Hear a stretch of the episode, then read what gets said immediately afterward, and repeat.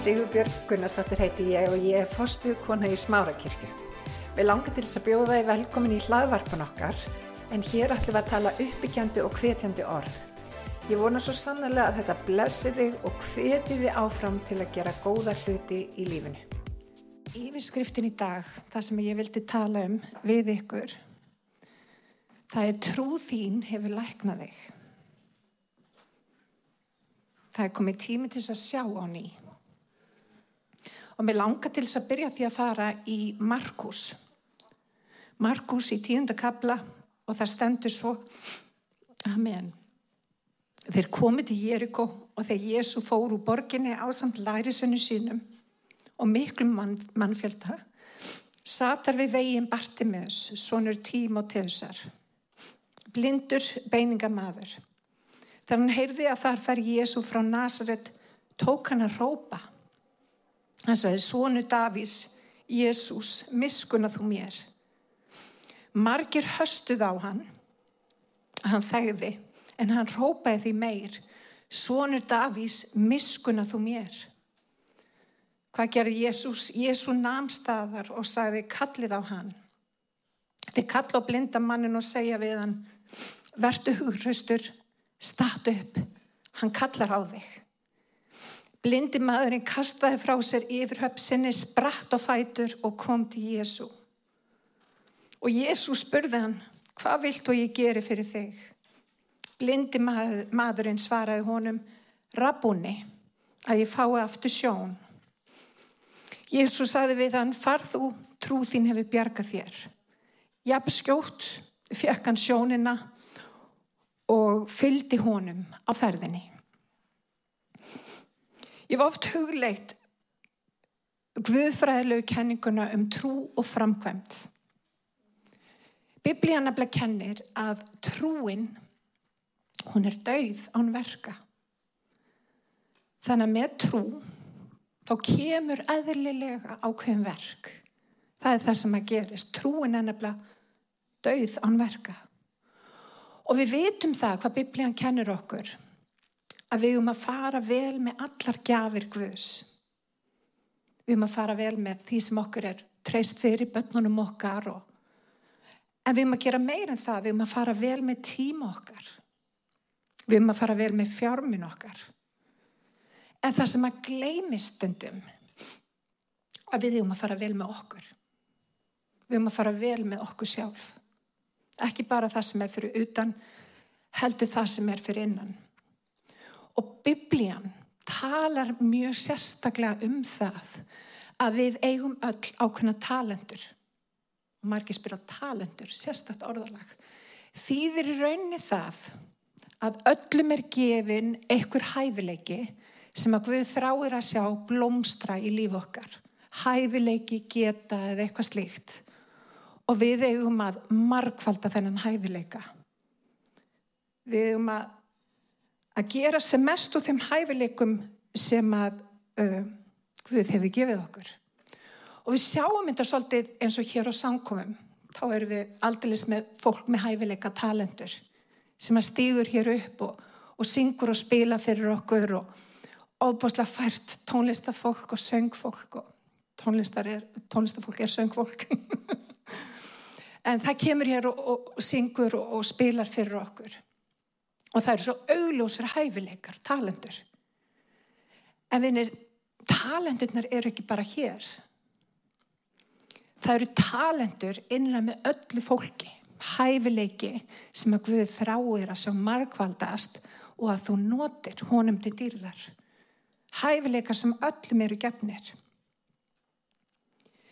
Ef við nýtum ekki hæfileikan þá er það svolítið eins og segið við Guð, veistu að drótin, þú gerði místök, þú hefur átt að gefa ykkur um öðrum minnhæfileika.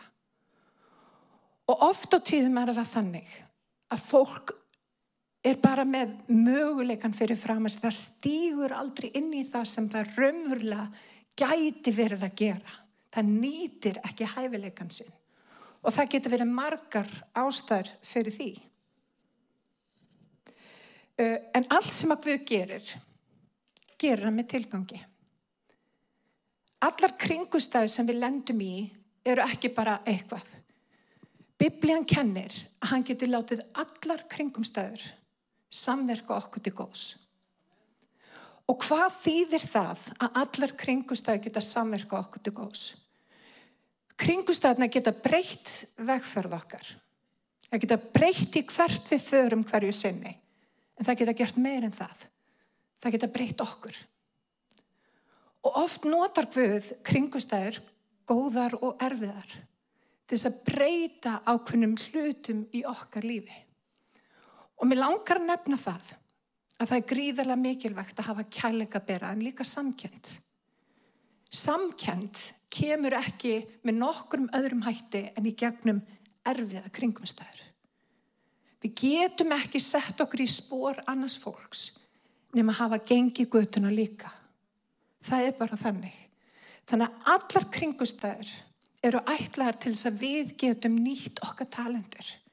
Breyt okkur sem manneskjum á eiga byggja okkur upp um að taka næsta skref og lifa því lífi sem að Guð hefur ákvarðað fyrir okkur.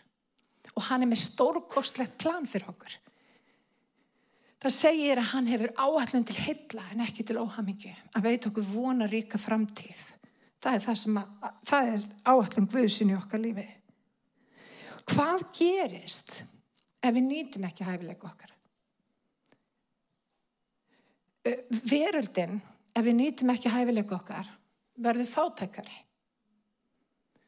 Verkið sem á að vinnast með þér og mér getur kannski um, orðið floknari fyrir framtíðar kynnslóðir. Það er nefnilega ótrúlega mikilvægt vinnir að hver og einn klými við sinn góliat Það er enginn sem á að glýma við þinn góliat annar en þú.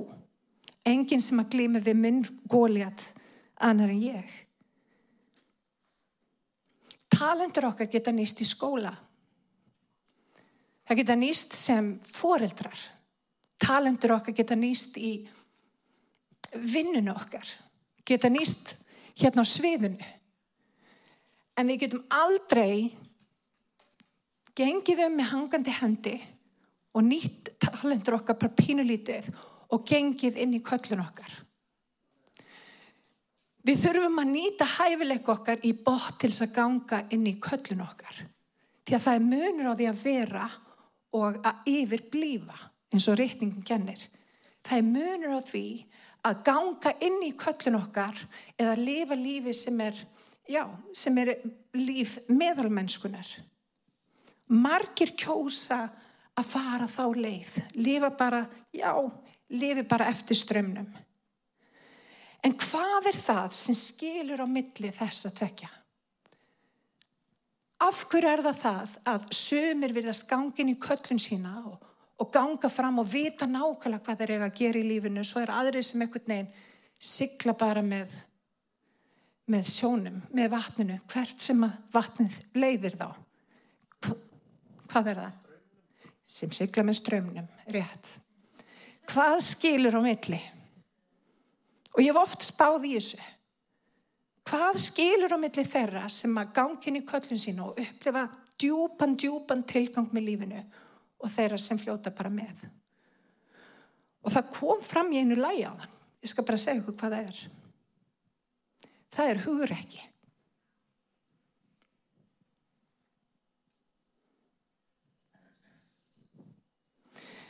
Öflugustu verkefnin sem við sjáum í reyningunum kom í gegnum fólk sem var ekki endilega klárast í heimi en það bjó yfir hugrekki.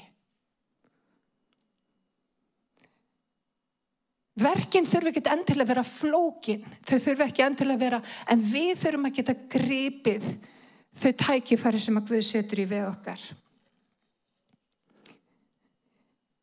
Þegar Jósua tók við að Móse á sínu tíma sem, sem leiðtogi, líðsdrottins, að þá gaf Guðunum ekki uh, áallunum það hvernig hann ætti að afla sér meiri visku.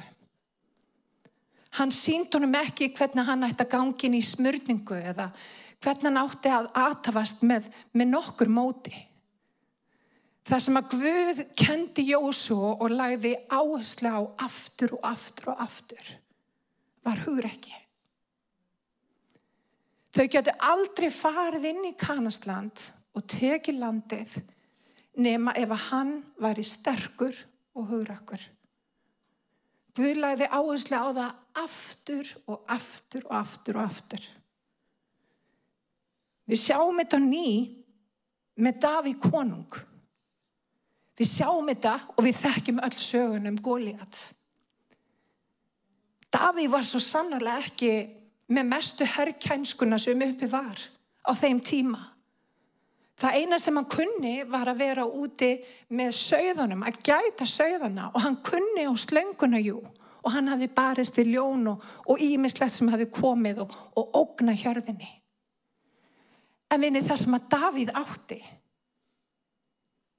það sem að Davíð átti var þetta tröst og guði og hugur ekki.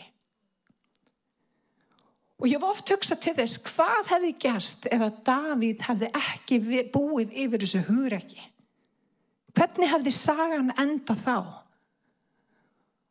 Og vinir, aftur, Davíð hafði ekki mestu herrkænskuna en hann heyrði röttu Guðs og hann vissi að Guð myndi gefa honum sigur. Og þessi vissa og þessi sannfæringi hjartað er eitthvað sem við þurfum að egnast. Ég trú því á þessum tíma sem við lifum á, þá þurfum við miklu meira af hugreiki. Við þurfum að grýpa gæsina þegar hún gefst. Við þurfum að ganga inn í það sem við eigum að vera að ganga inn í og láta ekkert stoppa okkur. Það er ofin heiminn. Það er svo sannlega mikið búið að gerast í heiminu í dag sem að orsaka það að við höfum þurft að endur meta og við höfum jáfnvel þurft að stiga tilbaka. En við nú stöndum við fram með fyrir, fyrir því að taka landið, að upplifa þetta hugrekki og ganga fram því að Guð hefur talað. X-faktorinn er hugrekki. Og ég man fyrir áramótina þá voru við, ég og, og maður minn, við vorum að keira bílnum hérna ykkur starf í hafnaferði og, og ég segi við hann, veistu alveg, ég, ég finn eins og Guð, ég ætla að byggja Guð meira hugrekki á komandi ári. Getan fyrir hugrekki, hún oft minga með árunum.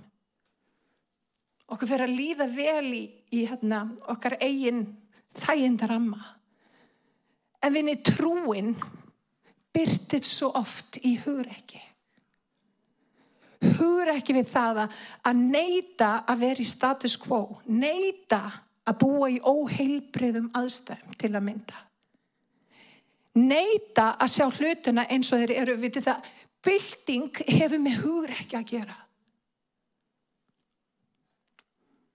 Og hugsa ykkur Martin Luther King eða allir þessi allt þetta, allt þetta fólk í gegnum tíðinu, hugsa ykkur hugrekki sem það hefur borið í brjósti, sem hefur breytt heiminum. Og hefðu þeir ekki gert að vinnir, hvernig væri sagan okkar þá? Sjáu Martin Luther King, hann segir, þá ekki að vera þessi skiptingum mellir svartra og kvítra. Það er eitthvað óréttlæti í gangi og Og það verður einhver, vinnir, það verður einhver að stíga fram fyrir fólk og segja hingaðu ekki lengra. Og kirkjan og kirkjuna fólk, vinnir, við eigum að vera þar fremst í flokki. Við eigum að standa með réttlætinu og við eigum að koma gegn óréttlæti. Við eigum að huga þeim sem eru brotnir og meittir. Og við eigum að sína hugrekki, vinnir. Kirkjan þarf að sína hugrekki. Má ég heyra henn? Af öllum þessum sem ég er búin að vera að tala um, Jóse, Móse, Martin Luther King og öllum þeim, þá er einn einstaklingur í sögunu sem að syndi hvað mest hugreiki. Hann heitir Jésús. Og vitið það, hann syndir hugreiki þegar hann fór upp á krossin og breytt út arma sína fyrir þig og mig.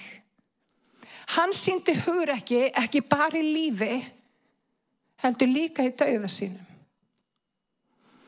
Því hann vissi, vinnir, að Guð myndi reysa frá döðum.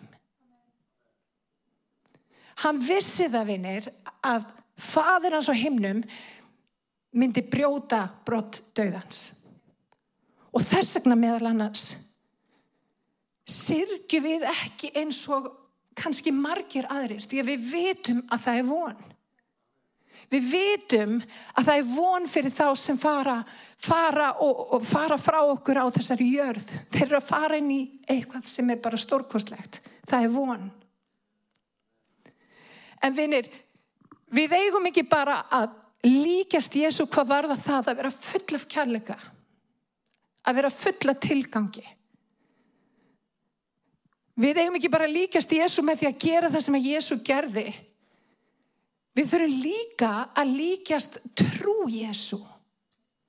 Þessari djúpi trú að alveg sama hvernig allt ver, alveg sama hvað gerist, í lífi eða dauða, þá treystu við Guði. Hann mun nefnilega vel fyrir sjá. Amen, má ég heyra amen. Þannig að hvað gerðan á krossunum og við sjáum þetta svo vel þegar við horfum í, bara í huga hvernig hann hjekka krossunum.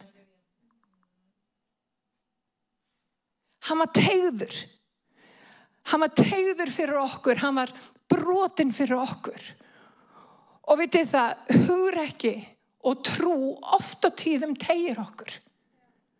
Hún tegir okkur til að gera hið ómögulega að við erum ekki bara fast í okkar eigin hugsunum og jafnvel okkar eigin hugsana villu. Biblíana bara kennir okkur að við verðum að endur nýja hugsun okkar. Og hvernig endur nýjum við hugsun okkar? Við forrutum hann bara upp á nýtt. Dauði og líf er á tungunarvaldi, kennir reytningin. Og vinni það er svo mikilvægt að þegar við erum að gangi gegnum kringustæður að við tölum inn í okkur líf og blessun og möguleika. Jáfnveil þóttu við sjáum það ekki í hennu eitra.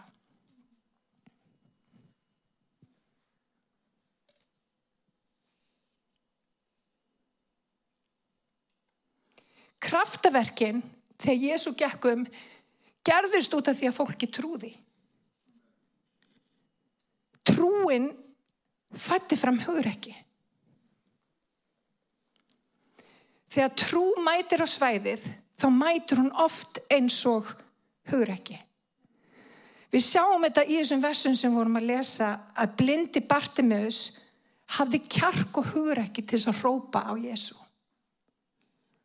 Hugrekkið er það sem að snerti við drotni. Trúin er hugrekki. Og meiri segja þegar fólki fór að sussa hann og segja hann ekki, ekki rópa, ekki gera það fýbli, ekki gera þetta. Hvað gerða hann? Hann rópaði bara hæra. Og vinir þegar við förum að rópa á drottin þá getur drottin ekki annað en staðnað og, og beitt aðtegli sinni að okkur. Það er það sem gerist. Og vinir hugrekkið framkallar kraftaverkið. Og ef að þú þarf kraftaverkir í dag þá hvet ég þið til að stíga fram og taka við hendi drottins. Því hann er hér og hann vil finna þig. En rétt eins og með blinda Bartimeus, hann rópaði og svo rópaði hann aftur. Og í Matteus 25 í versi fjögur að þá er himnaríki og Jésús er að segja dæmisögu, hann líkir himnaríki við tala, að, veist, líkir hérna, já, himnaríki við, við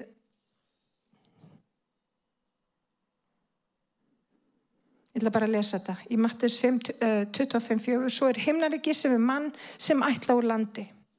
Hann kallaði á þjóna sína og fól þeim eigur sínar. Einum fekk hann fimm talendur, öðrum tvær og þeim þriðja eina. Hverjum eftir hefni. Síðan fór hann úr landi. Sá sem fekk fimm talendur fór þegar ávakstaði þær græti aðrar fimm. Einskerði sá sem fekk tvær talendur. Hann græti aðrar tvær. En sá sem fekk eina fór og gróf fyrir húsbúnda hans í jörð og faldi það. Og við hugsaum með þessa dæmisögu fallegt. Jésús að segja dæmisögu með himnaríki og hvernig það virkar Og hann talar um húsbónda sem að gefur þjónum sínum talendur. Hann gefur þeim fjö og hann byrði þau um að fara og ávaksta fjö sitt. En við skiljum í rauninni ekki í hvað samingi Jésús er að segja þetta. Á þessum tíma, þegar Jésús saði þess að dæmisöðu, það var algjörlega óhugsandi að húsbóndi myndi gefa þjónum sínu fjö. Og margir, það er talað um það í reikninguna, margir undrust þegar Jésu var að segja dæmisögur. Út af það var svo allt öðruvís en þjóðfélagið þeirra var.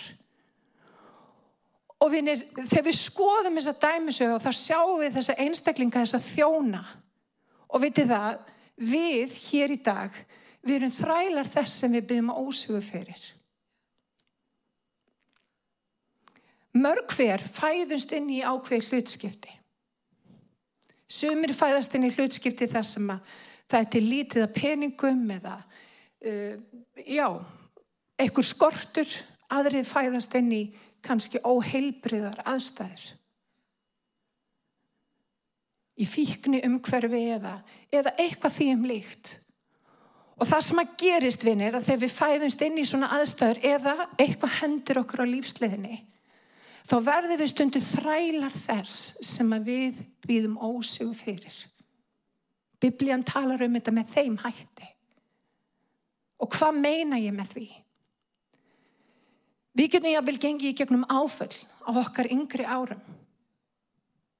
Við getum gengið í, áföll, gengið í gegnum áföll ef við erum ánið fullorðin.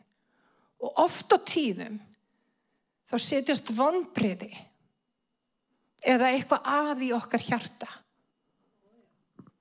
Við konumst öll við það. Sársöki.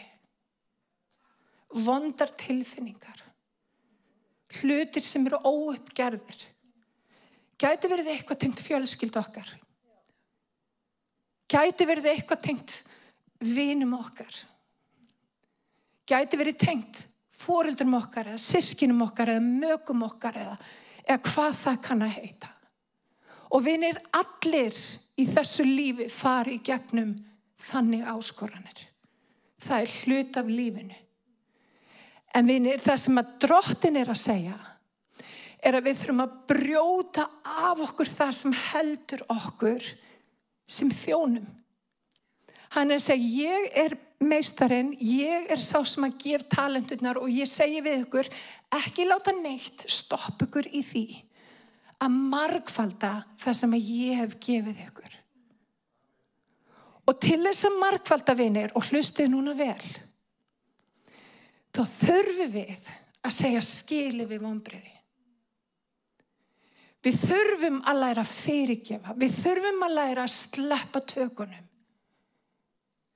Og veitir það, ég er ekki að segja að það sé eitthvað einfalt mál og fyrirgefning snýst ekkert um það að við samþykjum eitthvað verknað. Og ég vil að þið hlusti vel. Fyrirgefning hefur ekki með það að gera. Fyrirgefning hefur ekki með það að gera. Við erum endalust í okkur um óheilbröðum aðstæðum. Alls ekki. Fyrirgefning hefur með það að gera. Við leysum okkur sjálf úr fangelsi. Dauða, vonbriða.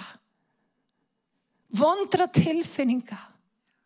Því hann er að segja, hann er að lýsa himnaríki sem einstaklingur sem hafa verið í helsi en fá frelsi. Og það á viðum okkur öll vinnir.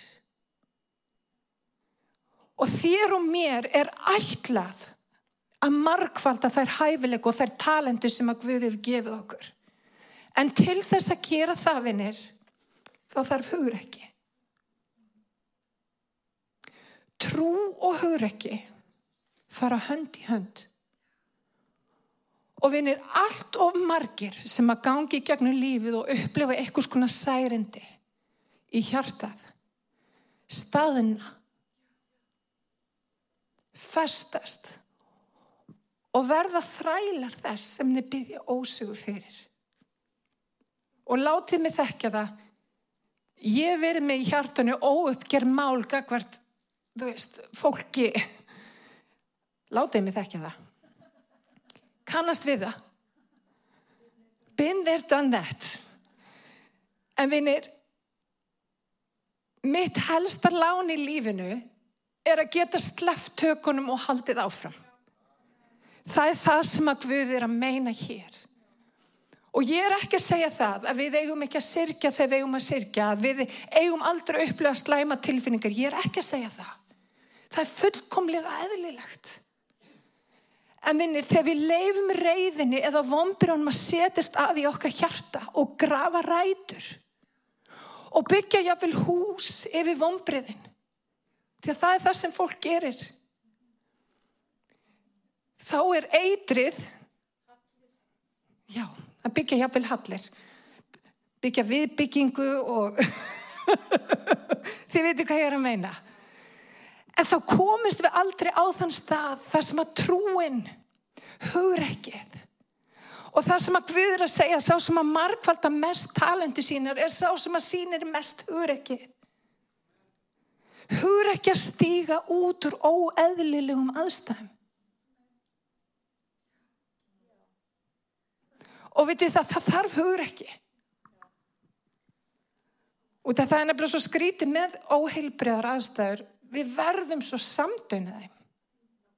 Fyrir að vera öryggi okkar. Við þekkjum það.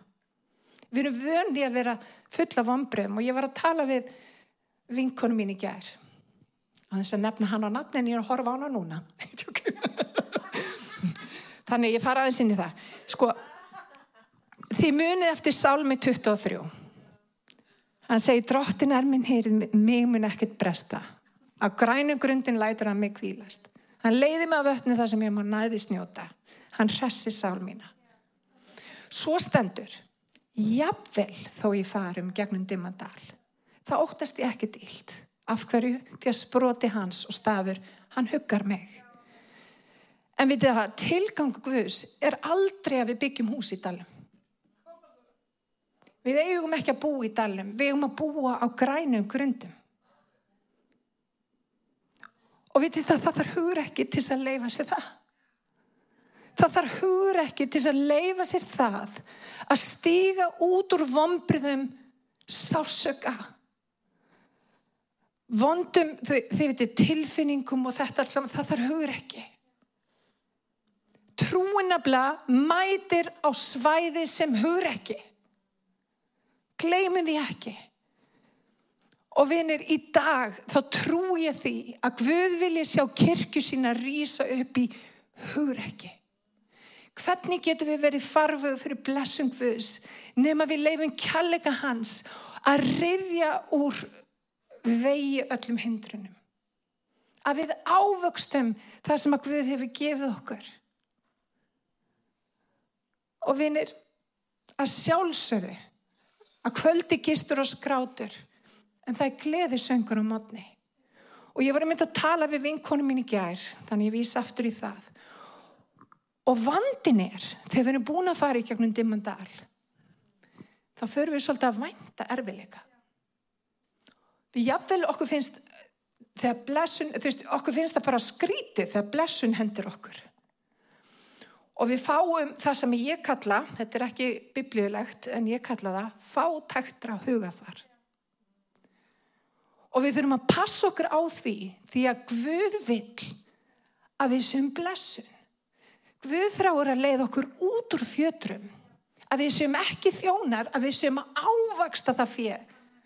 Að við séum að gera okkar allra besta í lífinu. Hann vil að þú sett besta útgafana þér. Hann vil það. Og mér langar líka að færa ykkur alveg frábæra fréttir. Hann elskar þig og hann stiður þig í því. Hann stiður þig í því að vera besta útgafan af þér. Og málið það, hann þráir að lækna okkur.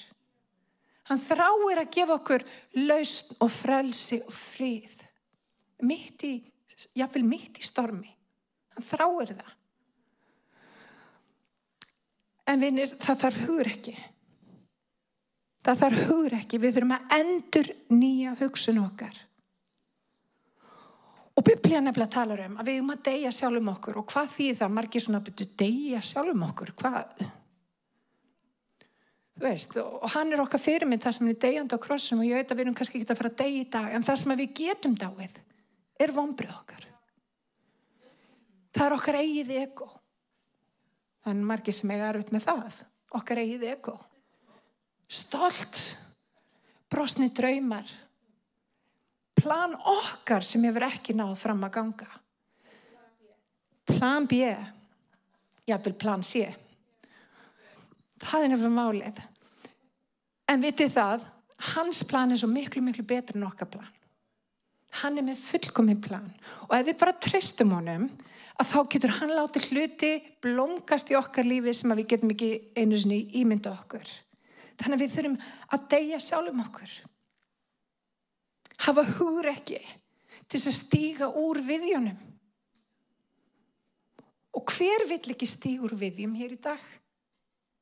Ég vill það. Ég vil stíga úr viðjum. En vitið það, það þarf hugur ekki. Það þarf trú. Og rétt eins og með Daví forðum daga, trúin reyfi við hjarta Guðs. Og meira sér talaði um að Jésu hafi farið inn í eitthvað, eitthvað þorp, eitthvað staðar og hann gerði engin kraftaverk.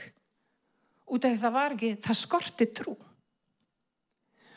Og maður getur hugsað býtu þar ég þá framlega eitthvað meiri trú. Trúin er í rauninni bara væntingar gagvart Jésu. Um leið og þú væntir þess að hann muni hlutast til um þín mál, þá færðu þitt kraftaverk.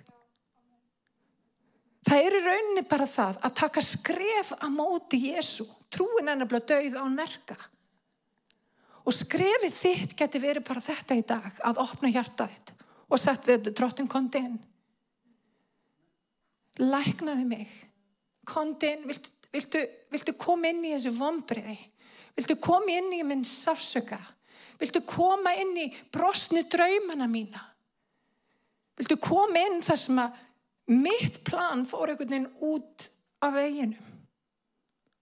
Og vinir, þegar við tökum skrefa móti Jésu, rétt eins og Bartimeus gerði forðum daga. Hvernig steg hann fram í trú? Hann fór að hrópa á drótin. Og þegar samfélagið sá hann um herði, uss, úrst að gera það fýbli, þá rópaði hann bara hæra. Og ég skal segja ykkur í dagvinir, ef að þú er tilbúin að taka pínu hænu skref að móti drotni í dag, þá mun hann aldrei skilja það eftir eitthvað starf hangandi á okkur í bjargbrún. Hann mun mæta þér. Hann mun leysa þig. Hann mun gefa þig lækning og hann mun gefa þig nýja von.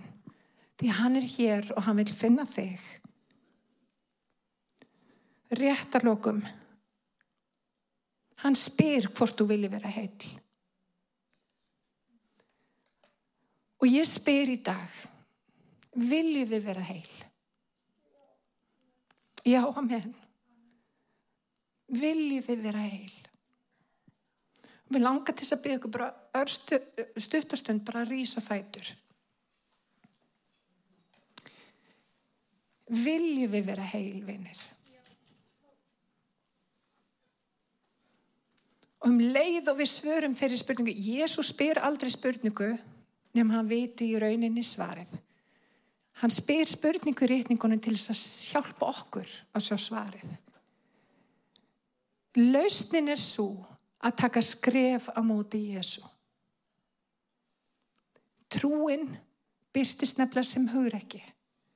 Hugrekki að stíga út úr aðstæðum sínum, stíga skref á móti Jésu. Og mér langar til þess að spyrja hér í dag. Er eitthvað sem vil taka pínu lítið trúaskref í átta Jésu hér í dag? Má ég svo höndalofti? Já, amen. Það er það sem ég held. Og vitið að ég vil það líka. Ég ætla að taka trúaskref hér í dag. Dróttin við bara komið fram fyrir þig. Dróttin við vitum að þú ert alfa og omega. Þú ert uppafið og þú ert endurinn og þú ert allt þar á milli. Dróttin ég þakka þér að þú ert með áhallun til heilla. Þú ert með áhallun dróttin minn sem er starri en okkar plan, betri en okkar plan. Gjaf okkur ná til þess að að stíga fram á móti þér opna hjart okkur í dag. Og í talin í vombriði, Ég tala inn í sársöka. Og drottin ég tala fram nýtt upphaf. Þegar við tökum hugur ekki að stíga út úr óeðlilegum aðstæðum. Þegar við tökum ákvörðuna ávaksta pund okkar, ávaksta talentunar og hæfileikun okkar. Harabashíak. Og drottin ég byrð drottin að þeir sem horfi taki ákvörðin hér í dag á móti ljósi þínu. Út úr myrkri og inn í ljós. Og drottin ég byrð að við mættum njóta á grænum grundum. Að við mættum drottin vera tilbúin og fulla eftirvæntingu fyrir blessunum þínum. Fyrir lífið þínu, fyrir ljósið þínu og fyrir lækningu þinni. Og ég byrð fyrir einum og sérkurinn hér og líka sem heima setið. Og ég byrð drottin að þú gefir nýtt uppaf. Í Jésu heila nafni.